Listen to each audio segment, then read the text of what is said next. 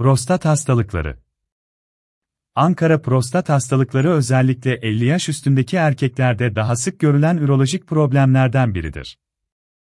Prostat, erkeklerde idrar torbasının altında yerleşmiş yaklaşık 20-30 gram ağırlığında olan bir organdır. Prostata özgü antijen olarak da adlandırılan PSA hormonu prostat bezi tarafından salgılanmaktadır. Prostat hastalıkları nelerdir? Ankara prostat hastalıklarının başında iyi huylu prostat büyümesi, prostat iltihaplanması, prostatit ve prostat kanseri gelmektedir. Prostata özgü hastalıklarda açığa çıkan belirtiler birbirleriyle benzerlik göstermektedir.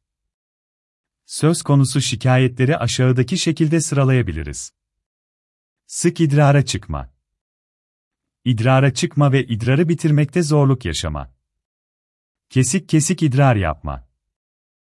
İdrar atımı sırasında ağrı ve yanma hissi. İdrar atımı sonrasında dahi mesaneyi boşaltamama hissi. Geceleri sık sık idrara çıkma. İdrar tutmada zorluk. Boşalma sırasında ağrı hissi. İdrarda ve menide kan görülmesi. Kasık, kalça ve bel ağrısı.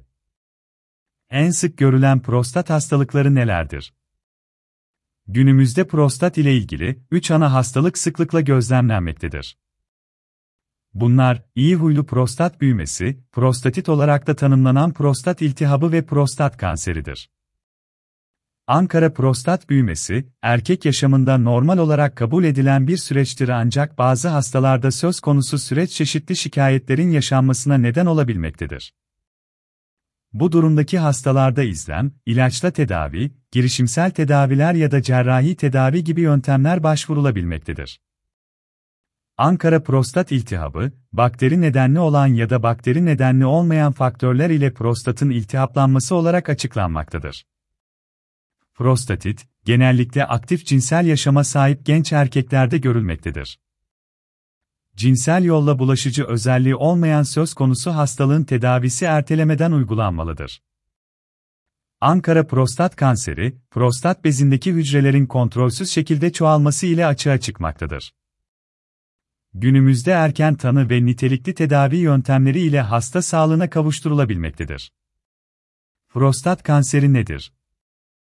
Prostat kanseri ileri yaşlardaki hastalarda genellikle belirti vermemekte, rutin kontroller sırasında fark edilmektedir.